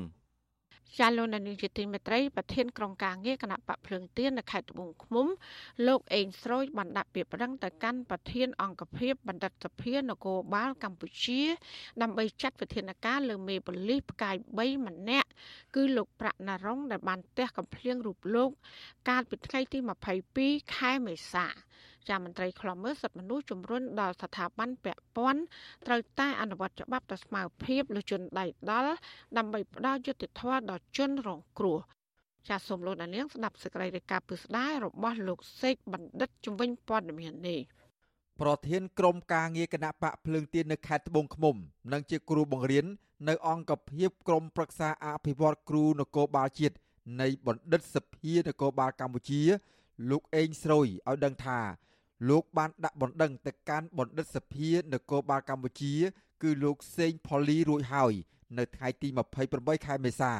ដើម្បីទាមទារឲ្យមានការអនុវត្តច្បាប់លើឧត្តមសេនីយ៍ឯកលោកប្រាក់ណរងដែលបានទះកំភ្លៀងលោកដោយសាររឿងនិន្នាការនយោបាយលោកអេងស្រួយប្រាប់បទសុអាស៊ីសេរីនៅថ្ងៃទី28មេសាថាលោកក៏បានរៀបចំភស្តុតាងមួយចំនួននិងគ្រោងដាក់ពាក្យបណ្ដឹងទៅរដ្ឋមន្ត្រីក្រសួងមហាផ្ទៃលោកសខេង និងស្ថាប័នតុលាការបន្ថែមទៀតទោះយ៉ាងណាលោកមិនរំពឹងថាស្ថាប័នទាំងនោះនឹងអាចជួយរកយុទ្ធធរជូនលោកបាននោះទេ ដោយសារតែលោក មាននិន្នាការមិនស្របទៅនឹងបកកណ្ដាលអំណាចលើសពីនេះទៀតលោករិះគន់ថា ស្ថាប័នតុលាការខ្វះភាពឯករាជ្យដោយសារតែស្ថាប័នមួយនេះទទួលរងគំនាបពីថ្នាក់ដឹកនាំរដ្ឋាភិបាល។ ដូចជាគ្មានសូវសង្ឃឹមអីទេប៉ុន្តែនៅអង្គភាពខ្ញុំយ៉ាងច្រើនបានធ្វើសម្រុះសម្រួលប៉ុណ្ណឹងតែយើងមាននិន្នាការនយោបាយបកប្រឆាំងអញ្ចឹងពីរឿងប្រព័ន្ធតុលាការវិញគឺมันអាចមានសង្ឃឹមកើតទេគ្រប់ករណីរឿងដែលធ្លាក់ទៅលើគណៈបកប្រឆាំងអញ្ចឹងវាមិនដែលមានពលិយុទ្ធធរវាអត់មានយើងដើរទៅដើរទៅដល់សំណាកៅសំណាក៏ធ្វើនងទៅឲ្យបាក់ឲ្យដឹងថាឲ្យដឹងថាប្រទេសយើងប្រព័ន្ធច្បាប់ប្រទេសយើងគឺវាអញ្ចឹងបើយើងមិនធ្វើគឺថាមកពីយើងមិនធ្វើឥឡូវយើងមានខុសតាគ្រប់គ្រាន់ហើយធ្វើបែរជាមិនដោះស្រាយប្រឆាំងអញ្ចឹងយើងក៏មានការព្រួយបារម្ភដែរតែយើងនៅតែតស៊ូទៅមុខអាចឲ្យក្រោយកាត់ទេលោកអេងស្រួយគឺជា ប្រធានក្រុមការងារគណៈបកភ្លើងទៀននៅខេត្តត្បូងឃ្មុំ និងជាគ្រូបង្រៀននៅអង្គភាពក្រមប្រឹក្សាអភិវឌ្ឍគ្រូនគរបាលជាតិនៃបណ្ឌិតសភានគរបាលកម្ពុជា លោកត្រូវបានមេរបស់លោក ដែលជាប្រធានក្រុមប្រឹក្សាអភិវឌ្ឍគ្រូនគរបាលជាតិនៃបណ្ឌិតសភានគរបាលកម្ពុជា គឺលោកប្រាក់ណារុង ផ្ទះកំភ្លៀងនៅកន្លែងអង្គភាពកាលពីថ្ងៃទី22មេសាដោយសារតែលោកមាននិន្នាការមិនស្របទៅនឹងបកកណ្ដាលអំណាចលោកអេងស្រូវឲ្យដឹងទៀតថា នៅថ្ងៃឈប់សម្រាកចុងសប្តាហ៍ពីអង្គការក្របខ័ណ្ឌរដ្ឋឬចំថ្ងៃបុណ្យទានលោកតែងតែចុះជួយធ្វើសកម្មភាពជាមួយគណៈបកភ្លើងទៀនដើម្បីជំរុញឲ្យមានលទ្ធិប្រជាធិបតេយ្យពិតប្រាកដដោយសារតែលោកបានចុះចូលជាមួយនឹងគណៈបកភ្លើងទៀនបែបនេះហើយ ដែលធ្វើឲ្យមន្ត្រីថ្នាក់លើរបស់លោកខឹងសម្បានិងគម្រាមកំហែងជាបន្តបន្ទាប់រហូតមានការទះកំភ្លៀងរូបលោក ទាំងនៅកន្លែងអង្គភាពវិទ្យុអាស៊ីសេរីនៅពុំទាន់អាចតាក់ទងប្រធានបណ្ឌិតសភានគរបាលកម្ពុជា លោកសេងផូលី ដើម្បីសាកសួរបន្ថែមអំពីបញ្ហានេះបានទេ នៅថ្ងៃទី28ខែមេសាចំណែកឯប្រធានអង្គភាពអ្នកណែនាំពាក្យរដ្ឋាភិបាលលោកផៃស៊ីផាន និងលោកប្រាក់ណារុង ដែលរងការចោទប្រកាន់នោះក៏វិទ្យុអសីសេរីមិនទាន់អាចតាក់ទងបានដែរនៅថ្ងៃដដែលនោះជុំវិញរឿងនេះនាយកទទួលបន្ទុកកិច្ចការទូតនៃអង្គការលីកាដូលោកអមសំអាត មានប្រសាសន៍ថាករណីប្រាអំពើហិង្សាលើលោកអេងស្រូយនេះគឺជាបទល្មើសព្រហ្មទណ្ឌដែលស្ថាប័នពាក់ព័ន្ធត្រូវតែមានវិធានការលើជនល្មើសនោះដើម្បីយកមកឲ្យទទួលទោសតាមច្បាប់លោកបន្តថា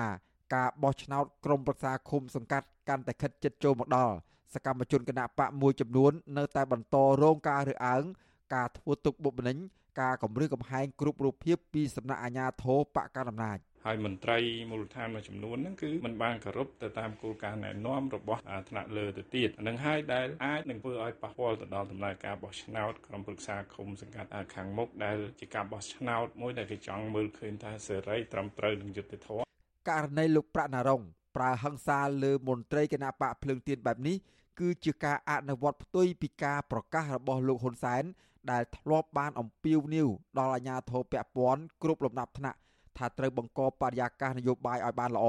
ជៀសវាងការប្រើហិង្សាលើរាងកាយនិងពាក្យសម្ដីព្រមទាំងត្រូវប្រកាន់ជំហរអព្យាក្រឹតដើម្បីធ្វើឲ្យដំណើរការបោះឆ្នោតក្រុមប្រឹក្សាឃុំសង្កាត់ប្រព្រឹត្តទៅដោយសេរីត្រឹមត្រូវនិងយុត្តិធម៌ បើទោះបីយ៉ាងណាមកទល់នឹងពេលនេះមានសកម្មជនគណៈបកភ្លើងទៀនចំនួន6នាក់ហើយក្នុងនោះរួមមានទាំងសាច់ញាតិរបស់ពួកគេជាអនិច្ចជនផងត្រូវបានអាជ្ញាធររដ្ឋាភិបាលលហ៊ុនសែនចាប់ខ្លួនដាក់ពន្ធនាគារចំណែកសកម្មជនជិត10នាក់ទៀតត្រូវតុលាការកោះហៅទៅបំភ្លឺពីបទញុះញង់និងបទក្លែងបន្លំឯកសារដាក់បេក្ខជនឈរឈ្មោះបោះឆ្នោតទន្ទឹមគ្នានេះ អនុប្រធានប្រតិបត្តិគណៈបកភ្លើងទៀននៅខណ្ឌច្បារអំពៅរាជធានីភ្នំពេញលោកជឿនសារឹមបានស្លាប់ដោយសារគ្រោះថ្នាក់ចរាចរណ៍ក៏ប៉ុន្តែគ្រួសារជនរងគ្រោះសង្ស័យថាករណីស្លាប់នេះមានជាប់ពាក់ព័ន្ធរឿងនយោបាយក្រៅពីនេះសកម្មជន និងបេក្ខជនគណៈបកភ្លើងទៀនជាច្រើនអ្នកផ្សេងទៀតត្រូវបានជន់មិនស្គាល់មុខប៉ុនប៉ងធ្វើបាបដោយគប់ដុំថ្មចូលទៅក្នុងផ្ទះការប្រើអំពើហិង្សា និងដេញធាក់ផ្ដួលម៉ូតូគំរាមកំហែងនិងមានសកម្មភាពរារាំងសកម្មជនគណៈបកនេះគ្រប់រូបភាពផងដែរក្រុមអង្គការសង្គមស៊ីវិលនិងអ្នកសង្កេតការបោះឆ្នោតវិយតម្លៃថា បើបរិយាកាសនយោបាយនៅតែស្ថិតនៅក្នុងភាពអាប់អួរបែបនេះនឹងមិនអាចធានាថា ការបោះឆ្នោតនៅពេលខាងមុខប្រកបដោយសេរី ត្រឹមត្រូវ និងយុត្តិធម៌នោះទេខ្ញុំបាទសេកបណ្ឌិត វិទ្យុអាស៊ីសេរីពីរដ្ឋធានីវ៉ាស៊ីនតោនលោកនានីជាទីមេត្រីមន្ត្រីសង្គមស៊ីវិលស្វាគមន៍កិច្ចពិភាក្សានៃស្ថាប័នរដ្ឋាភិបាលដើម្បីដោះស្រាយភាពចង្អៀតណែននៅក្នុងពន្ធនាគារចាពួកគេជំរុញឲ្យការដោះស្រាយនេះធ្វើឡើងដោយយុត្តិធម៌តម្លាភាពនិងឲ្យបានឆាប់រហ័ស ការលើកឡើងនេះនៅបន្ទាប់ពីមានជំនួបរវាងគណៈកម្មាធិការសិទ្ធិមនុស្សនៃរដ្ឋាភិបាល និងអគ្គនាយកដ្ឋានពន្ធនាគារដែលបានជជែកពីការដោះស្រាយនៃការកាត់បន្ថយភាពចង្អៀតណែនក្នុងពន្ធនាគារចាប់ពីរដ្ឋធានី Washington លោកជាតិចំណានរាយការណ៍ព័ត៌មាននេះមន្ត្រីសង្គមស៊ីវិលចាត់ទុកការដោះស្រាយភាពចង្អៀតណែនក្នុងពន្ធនាគារជារឿងចាំបាច់សំខាន់និងបន្ទាន់ពួកគេចង់ឃើញការដោះស្រាយភាពចង្អៀតណែនក្នុងពន្ធនាគារ ធ្វើឡើងដោយមានប្រសិទ្ធភាពនិងគ្មានការប្រកាន់និន្នាការនយោបាយទៅលើអ្នកជាប់ឃុំនោះទេអ្នកនាំពាក្យសមាគមអាត6លោកសង្សានករណីយល់ថាការចាប់ផ្ដើមដោះស្រាយភាពចង្អៀតណែនក្នុងពន្ធនាគារគឺជារឿងល្អប៉ុន្តែលោកមិនទាន់ដឹងថាស្ថាប័នពាក់ព័ន្ធមានឆន្ទៈដោះស្រាយកម្រិតណានោះទេមន្ត្រីសង្គមស៊ីវិលរូបនេះក៏ចង់ឃើញការដោះស្រាយនោះមានការបញ្ចូលសកម្មជននយោបាយសកម្មជនធ្វើការងារសង្គមផ្សេងទៀតព្រោះអ្នកទាំងនោះភ័យច្រើនជាប់ឃុំដោយអយុត្តិធម៌ លោកសង្សានករណាលើកឡើងទៀតថាចំណុចមួយទៀតដែលគួរឲ្យពិចារណា ស្ថាប័នពាក់ព័ន្ធគួរតែអនុញ្ញាតឲ្យអ្នកជាប់ទោសស្រាលស្រាលអាចនៅក្រៅឃុំហើយឲ្យអ្នកទាំងនោះធ្វើការងារសហគមន៍ជំនួសទោសដែលនៅសល់ យើងក៏មិនទាន់ឃើញដំណោះស្រាយហ្នឹងមានភាពល្អប្រសើរទេពាក់ព័ន្ធទៅនឹងភាពជំនឿណែននេះយើងរងចាំមើលនិងឃ្លាំមើលតាមដានទាំងអស់គ្នាទៀតជំនួបនេះនឹងមានដំណោះស្រាយជាវិជ្ជមានបែបណាខ្លះអញ្ចឹងក៏យើងសង្ឃឹមដែរថាជាករណីស្រាលស្រាលក៏គួរពិចារណាឲ្យមានការនៅក្រៅឃុំរឿងខ្លះក៏អនុវត្តទោសឲ្យមានការកែប្រែហ្នឹងក៏គួរមានការពិចារណាដើម្បីធ្វើឲ្យភាពចង្អៀតណែនហ្នឹងដើម្បីធូរស្រាលមកវិញដែរនេះស្រដៀងគ្នានេះដែរនាយកទទួលបន្ទុកកិច្ចការទូតនៃអង្គការលីកាដូលោកអំសំអាតលើកឡើងថាការដោះស្រាយបញ្ហាចង្អៀតណែនក្នុងពន្ធនាគារអាចធ្វើឡើងបានច្រើនវិធីលោកយល់ថាតុលាការគួរជ្រើសយកការឃុំខ្លួនលើជនណាម្នាក់គឺជាករណីចាំបាច់លោកបន្តថាការចោទប្រកាន់នានាដែលគ្មានភស្តុតាងរឹងមាំតុលាការមិនគួរឃុំខ្លួនជនទាំងនោះនោះទេលោកសង្កេតឃើញថាអ្នកចាប់ឃុំបែបនេះភាគច្រើនជាសកម្មជនសិទ្ធិមនុស្សដីធ្លីបរិស្ថាននិងសកម្មជននយោបាយជាដើម លោកថាបើអាចដោះស្រាយរឿងនេះបាននឹងធ្វើឲ្យជៀសផុតពីការរិះគន់ហើយថែមទាំងអាចដោះស្រាយភាពចង្អៀតណែនក្នុងពន្ធនាគារផងដែរបានចំពោះភាពចង្អៀតណែននៅក្នុងពន្ធនាគារទេអញ្ចឹងទាមទារឲ្យមានរកយន្តការផ្សេងទៀតដើម្បីធ្វើការដោះស្រាយនៅភាពចង្អៀតណែនក្នុងពន្ធនាគារព្រោះភាពចង្អៀតណែននៅក្នុងពន្ធនាគារវាអាចនឹងប៉ះពាល់ទៅដល់បញ្ហាអនាម័យបញ្ហាសុខភាពសុខុមាលភាពរបស់អ្នកជាប់ឃុំ ក្រុមមន្ត្រីអង្គការសង្គមស៊ីវិលលើកឡើងបែបនេះក្រោយពីមានជំនួបរវាងគណៈកម្មាធិការសិទ្ធិមនុស្សរដ្ឋាភិបាលនិងអគ្គនាយកដ្ឋានពន្ធនាគារដែលបានជជែកពីការដោះស្រាយភាពចង្អៀតណែនក្នុងពន្ធនាគារទំព័រ Facebook របស់អគ្គនាយកដ្ឋានពន្ធនាគារឲ្យដឹងថាអនុប្រធានគណៈកម្មាធិការសិទ្ធិមនុស្សកម្ពុជានិងជារដ្ឋលេខាធិការក្រសួងយុតិធធលោកចិនម៉ាលីនបានពិភាក្សាជាមួយនឹងអគ្គនាយកដ្ឋានពន្ធនាគារលោកឆែមសាវុតកាលពីថ្ងៃទី26ខែមេសាស្ដីពីទំនាក់ទំនងការងារក្នុងទស្សនវិជ្ជាច្បាប់ គោលការណ៍ការពារសិទ្ធិជនជាប់ឃុំអគ្គនាយកដ្ឋានពន្ធនាគារឲ្យដឹងទៀតថាក្រៅពីការជជែករឿងកាត់បន្ថយភាពចង្អៀតណែនក្នុងពន្ធនាគារភាគីទាំងពីរបានជជែកពីការធ្វើសាវនកម្មនិងអធិការកិច្ចសេវាថែទាំសុខភាពអ្នកជាប់ឃុំយន្តការទទួលនិងដោះស្រាយបណ្ដឹងក្នុងការកាត់បន្ថយបញ្ហាកកស្ទះសំណុំរឿងនិងការទប់ស្កាត់ការឆ្លងរាលដាលជំងឺ Covid-19 ក្នុងពន្ធនាគារជាដើមតកតងនឹងដំណើរការនៃការដោះស្រាយបញ្ហានេះ អ្នកនាំពាក្យគណៈកម្មាធិការសិទ្ធិមនុស្សរបស់រដ្ឋាភិបាលលោកកតាអូនឲ្យដឹងថានៅពេលនេះស្ថាប័នរបស់លោកកំពុងរៀបចំរបាយការណ៍ដើម្បីយកបញ្ហាទាំងនេះត្រៀមទៅពិគ្រោះនឹងរកដំណោះស្រាយជាមួយនឹងស្ថាប័នមួយចំនួនរួមមានក្រសួងមហាផ្ទៃក្រសួងយុតិធធនិងស្ថាប័នតុលាការលោកបន្តថាជំនុំនេះក្រុងនឹងធ្វើឡើងនៅខែមិថុនាខាងមុខ ដូច្នេះហើយការពិភាក្សាគ្នានេះគឺយើងឃើញថា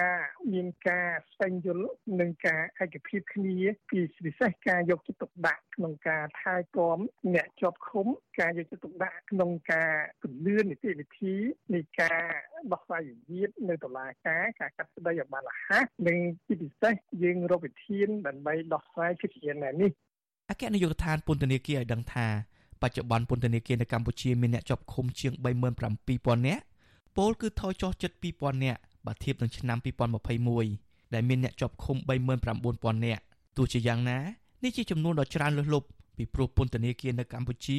ត្រូវគេប៉ាន់ប្រមាណថាអាចផ្ទុកមនុស្សត្រឹមតែជាង26000នាក់ប៉ុណ្ណោះតាក់ទងនឹងបញ្ហានេះដែរកាលពីខែមីនាកន្លងទៅលោកសខេងរដ្ឋមន្ត្រីក្រសួងមហាផ្ទៃ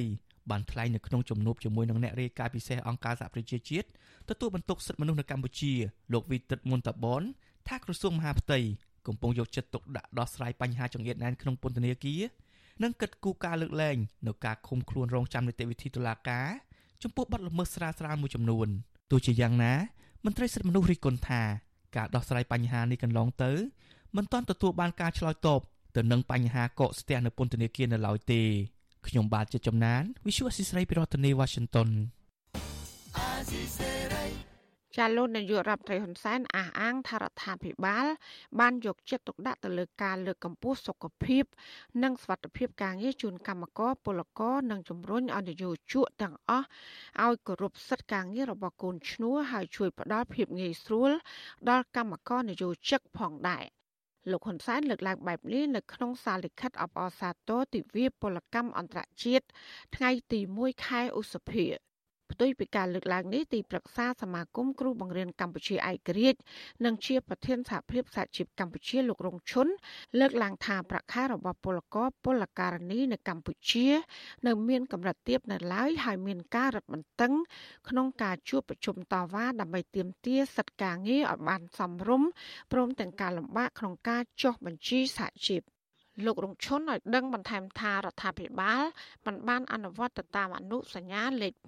87របស់អង្គការពលកម្មអន្តរជាតិដែលតម្រូវឲ្យគ្រប់សិទ្ធិពលកម្មរបស់មនុស្សជាតិនោះទេ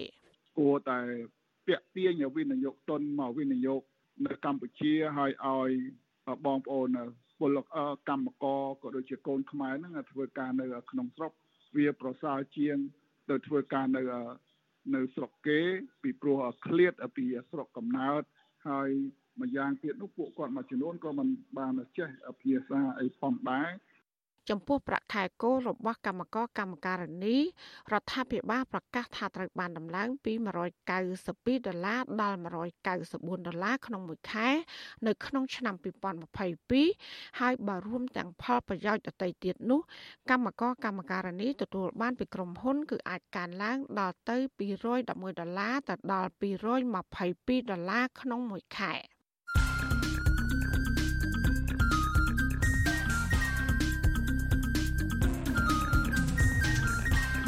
បទសំភារ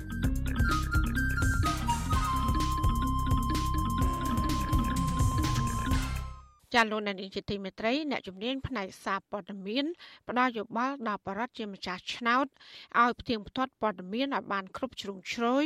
មុននឹងសម្រេចចិត្តបោះឆ្នោតឲ្យគណៈបកនយោបាយណាមួយ នៅក្នុងការបោះឆ្នោតជ្រើសរើសក្រុមប្រឹក្សាឃុំសង្កាត់នាពេលខាងមុខ លើពីនេះអ្នកជំនាញបន្តទទូចដល់អាជ្ញាធររដ្ឋាភិបាលឲ្យធានាផ្ដល់សេរីភាពពេញលេញដល់អ្នកសារព័ត៌មានជាពិសេសអ្នកសារព័ត៌មានឯករាជ្យដើម្បីឲ្យពួកគេអាចរាយការណ៍ព័ត៌មានពិតបានដោយសេរីពីព្រោះសេរីភាពសារព័ត៌មានមានសារៈសំខាន់ដើម្បីធានាការចូលរួមរបស់ប្រជាពលរដ្ឋនៅក្នុងប្រទេសប្រជាធិបតេយ្យពិតប្រាកដ ជាជំតទៅទៀតនេះសូមអញ្ជើញលោកនាងស្ដាប់បទសម្ភាសរវាងអ្នកស្រីសុជីវីនិងលោកណប់វីដែលជានាយកប្រតិបត្តិអង្គការសម្ព័ន្ធអ្នកសារព័ត៌មានកម្ពុជា អំពីរឿងនេះដូចតទៅតើលោកណូវីមើលឃើញយ៉ាងណាចំពោះសារៈសំខាន់នៃសេរីភាពសារព័ត៌មានសម្រាប់ប្រជាពលរដ្ឋដែលជាម្ចាស់ឆ្នោតនឹងចា៎បាទជាការពិតចាប់តាំងពីការបោះឆ្នោតជ្រើសរើសក្រុមប្រឹក្សាគុំសង្កាត់ក្នុងឆ្នាំ2017 យើងឃើញហើយថាឆ្នាំ2017គឺបន្ទាប់ពីមានការបោះឆ្នោតជ្រើសរើសក្រុមប្រឹក្សាគុំសង្កាត់មកគឺស្ថានភាពនៃសេរីភាពសារព័ត៌មានបានបន្តធ្លាក់ចុះហើយធ្លាក់ចុះនេះមិនមែនតែទៅវាមិនមែនអាស្រ័យទៅលើការសង្កេតការនិយាយតាខ្លួនខ្ញុំទេគឺយើងមើលអំពីការវាស់វែងនៃស្ថានភាពសេរីភាពសារព័ត៌មានដោយអង្គការអន្តរជាតិគឺអង្គការនយោបាយ ព័ត៌មានគ្មានព្រំដែនហ្នឹងគឺគេធ្វើការវាយតម្លៃស្ថានភាពនៅទូទាំងពិភពលោកបាទក្នុងហ្នឹងគឺកម្ពុជាយើងបានជាប់ចំណាត់ថ្នាក់មានការធ្លាក់ចុះចាប់តាំងពីឆ្នាំ2016មក128ហ្នឹងមក132ហើយបន្តធ្លាក់ចុះរហូតមកដល់141 42 43 44ហ្នឹងគឺយើងនៅក្នុង144ហ្នឹង2ឆ្នាំហើយ អញ្ចឹងនេះគឺជាស្ថានភាពដែលយើងកត់សម្គាល់ហើយដែលយើងមើលឃើញចំណុចមួយទៀតនៃការវាយតម្លៃរបស់អង្គការមួយទៀតគឺអង្គការ Freedom House ឬយើងហៅថាផ្ទះសេរីភាពហ្នឹងគឺគេក៏បានធ្វើការវាយតម្លៃដែរថាស្ថានភាពនៃសេរីភាពបញ្ចេញមតិនៅក្នុងប្រទេសកម្ពុជាយើងគឺมันមានសេរីភាពបាទมันមានសេរីភាពបាទអញ្ចឹងចំណុចនេះក៏បង្ហាញអំពី ការវាយតម្លៃមួយដែលយើងគួរតែមានការយកចិត្តទុកដាក់ហើយពិនិត្យមើលឡើងវិញថាតើយើងកន្លងមកយើងបានធ្វើអ្វីខ្លះដែលវាអាចនឹងធ្វើឲ្យប៉ះពាល់ដល់ស្ថានភាពនៃការបញ្ចេញមតិក៏ដូចជាសេរីភាពសារព័ត៌មាននៅក្នុងប្រទេសកម្ពុជាយើងហើយវាធ្វើឲ្យប៉ះពាល់ទៅដល់មុខមាត់និងកិត្តិយសរបស់ប្រទេសជាតិយើងទាំងអស់គ្នានឹង ចាប់តាំងពីឆ្នាំ2017 18រហូតមកដល់ឆ្នាំ2022នេះគឺការបោះឆ្នោតគុំសង្កាត់នឹងឈានចូលមកដល់ហ្នឹងគឺបើយើងនិយាយអំពីរឿងលំហនៃកិច្ចការងាររបស់អ្នកសារព័ត៌មានដូចខ្ញុំគ្រាន់តែលើកឧទាហរណ៍ខ្លះៗទេថាកន្លងមកមានការ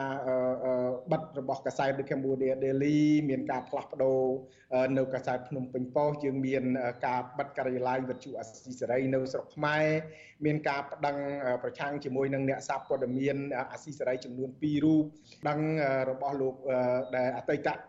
អ្នកយកព័ត៌មានកាសែត The Cambodia Daily លោកអូនភៀបនិង Peter សម្បូរហ្នឹងក៏ករណីរបស់គាត់ហ្នឹងទោះបីជាមានការសម្រេចឲ្យដែលពួកគាត់រួចផុតពីទោសហ្នឹងប៉ុន្តែនៅមានការប្តឹងដល់បន្តទៅទៀតអញ្ចឹង តែជាពិសេសគឺនៅក្នុងឆ្នាំ2022ដោយសារតែឆ្នាំ2022នេះយើងកំពុងតែរៀបចំដំណើរការនៃការបោះឆ្នោតក្រុមប្រឹក្សាគុំសង្កាត់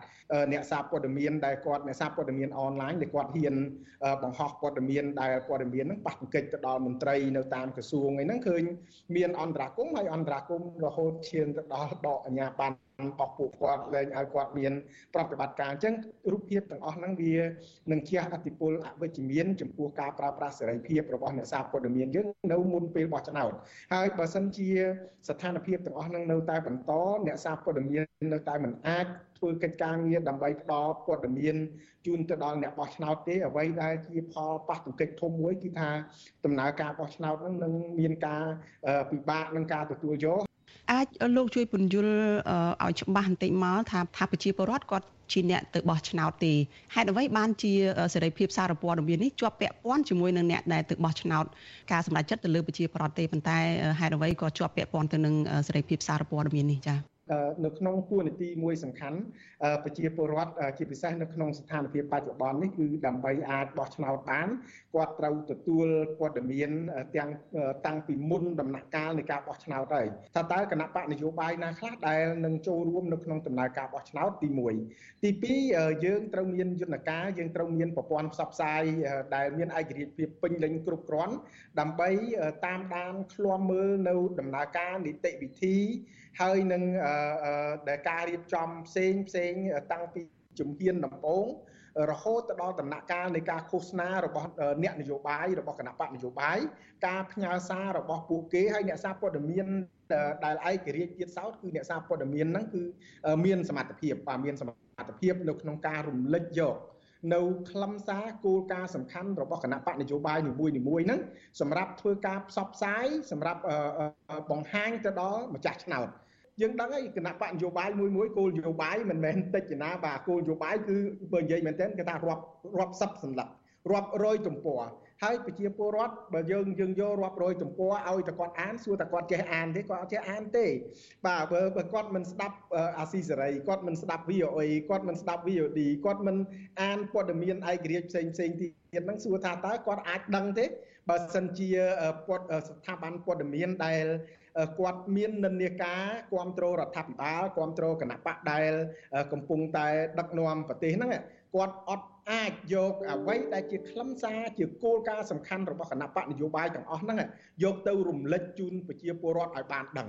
ចាឃើញសារព័ត៌មានក្នុងស្រុកដែលផ្សព្វផ្សាយរាល់ថ្ងៃនេះឃើញថា អូគណៈបកកណ្ដាលអំណាចដែលមានមន្ត្រីគ្រប់ជាន់ថ្នាក់ហ្នឹងចុះទៅផ្សព្វផ្សាយឲ្យថាគណៈបកគាត់នឹងល្អអញ្ចេះគណៈបកគាត់នឹងល្អចុះនឹងធានាឲ្យមានការអភិវឌ្ឍនៅក្នុងមូលដ្ឋានធានាសិទ្ធិសេរីភាពប្រជាពលរដ្ឋអីអញ្ចឹងទៅធានាផ្ដល់ការងារធ្វើឲ្យព័ត៌មានហ្នឹងគឺសិតតែល្អល្អទេសម្រាប់ប្រជាពលរដ្ឋហេតុអីចាំបាច់ត្រូវមានស្ថាប័នអីផ្សេងទៀតឬក៏សេរីភាពសារព័ត៌មានសម្រាប់ផ្ដល់ព័ត៌មានផ្សេងទៀតទៅដល់ប្រជាពលរដ្ឋហ្នឹងចា៎ ជាគោលការណ៍សម្រាប់អ្នកផ្សេងព័ត៌មានគេថាព័ត៌មានកាលណាបើយើងចង់សរសេរព័ត៌មានមួយបានគឺព័ត៌មានហ្នឹងកុំសម្ភាសប្រភពតែមួយបាទនៅពេលដែលបងប្អូនគ្រាន់តែលើសកម្មជននយោបាយពីគណៈបកនយោបាយ មួយក៏ដោយដែលចុះទៅឃោសនាដែលចុះទៅណែនាំដែលចុះទៅប្រាប់ដែលចុះទៅបញ្ចុះបញ្ចូលឲ្យបងប្អូនស្ដាប់នៅគោលនយោបាយរបស់ពួកគាត់ហ្នឹងហើយមានគណៈបកនយោបាយខ្លះប្រហែលជាបងប្អូនធ្លាប់ធ្លាប់បានបោះឆ្នោតឲ្យជាច្រើនដងមកហើយហ្នឹងអឺទៅចុះទៅបញ្យលចុះទៅបញ្ចុះបញ្ចូលហ្នឹងគឺប្រហែលសម្រាប់ខ្ញុំខ្ញុំថាបងប្អូនកុំអាចជឿគណៈបកនយោបាយណាក៏ដោយកុំអាចជឿក៏ប៉ុន្តែយើងត្រូវចេះផ្ទៀងផ្ទាត់ព័ត៌មាន បាទផ្ទៀងផ្ទាត់ព័ត៌មានផ្ទៀងផ្ទាត់អ្វីដែលគាត់បានមកឃោសនាជំរាបដល់បងប្អូនហ្នឹងជាមួយនឹងព័ត៌មានដែលបងប្អូនបានដឹងកន្លងមកជាមួយនឹងព័ត៌មានដែលបានផ្សព្វផ្សាយដោយបណ្ដាញព័ត៌មានផ្សេងផ្សេងទៀតនេះចំណុចទី1ប៉ុន្តែចំណុចទី2 អ្នកសារព័ត៌មានឯករាជ្យនិងអ្នកសារព័ត៌មានដែលមានវិជ្ជាជីវៈខ្ពស់ហ្នឹងគឺគេមានសមត្ថភាពមួយគេមានសមត្ថភាពនៅក្នុងការផ្ទៀងផ្ទាត់ចំពោះពាក្យសម្ដីរបស់មន្ត្រីមួយចំនួនរបស់អ្នកដឹកនាំគណៈបកនយោបាយមួយចំនួនថាតើពាក្យសម្ដីដែលគាត់និយាយហ្នឹងពិតឬក៏មិនពិតពាក្យសម្ដីដែលគាត់និយាយហ្នឹងគឺគាត់និយាយទើបតែនិយាយទេឬក៏គាត់និយាយច្រើនដងមកហើយក៏ប៉ុន្តែអត់មានប្រសិទ្ធភាព ជាប្រជាពលរដ្ឋម្នាក់ហើយគឺជាអ្នកសារព័ត៌មានម្នាក់ជាអ្នកជំនាញផ្នែកសារព័ត៌មានលោកយល់ថាលោកគួរតែទៅបោះឆ្នោតទេនៅក្នុងពេលដែលស្ថានភាពសេរីភាពសារព័ត៌មាននៅតែបន្តរដ្ឋបិទនេះហើយជាប្រជាពលរដ្ឋម្នាក់ទៀតនឹងថាតើគួរតែធ្វើយ៉ាងម៉េចវិញចាប់ជាពលរដ្ឋគ្រប់លោកគួរតែទៅបោះឆ្នោត គោចបគឺធានាអំពីភាពសម្ងាត់ហើយភាពសម្ងាត់ហ្នឹងខ្ញុំជឿខ្ញុំជឿថាបើសិនជាយើងចង់គូសឲ្យគណៈបកណានយោបាយណាមួយគេអត់ដឹងទេពីព្រោះយើងបោះឆ្នោតនៅក្នុងប្រអប់មួយដែលដែលគេរក្សាភាពសម្ងាត់ឲ្យយើងបានថាពិបាលលោកគួរចាត់ធានាពីមុនរបស់ធានាការពីឬមួយក៏ធានាអំពីសុវត្ថិភាពបាទសុវត្ថិភាពសម្រាប់កិច្ចការងាររបស់អ្នកសាព័ត៌មានធានាថាមិនមានការប្តឹងផ្តល់ធានាការមិនមានការគំរាមកំហែងនៅក្នុងរូបភាពណាមួយក៏ដោយទៅលើកិច្ចការងាររបស់អ្នកសារព័ត៌មានអរគុណច្រើនលោកណូវីចាចាសូមជម្រាបលាលោកត្រឹមប៉ុណ្ណេះបាទសូមអរគុណសូមជម្រាបលាបាទ ចាលោកនាងកញ្ញាទៅបានស្ដាប់បទសម្ភាសន៍រវាងអ្នកស្រីសុជីវី និងលោកណប់វីដែលជានាយកប្រតិបត្តិអង្គការសម្ព័ន្ធអ្នកសារព័ត៌មានកម្ពុជា ដែលបានណែនាំឲ្យប្រជាប្រដ្ឋម្ចាស់ឆ្នោតផ្ទៀងផ្ទាត់ព័ត៌មានគ្រប់ជ្រុងជ្រោយមុននឹងបោះឆ្នោតឲ្យគណៈបកនយោបាយណាមួយនៅក្នុងការបោះឆ្នោតជ្រើសរើសក្រុមប្រឹក្សាគុំសង្កាត់នៅថ្ងៃទី5ខែមិថុនាខាងមុខ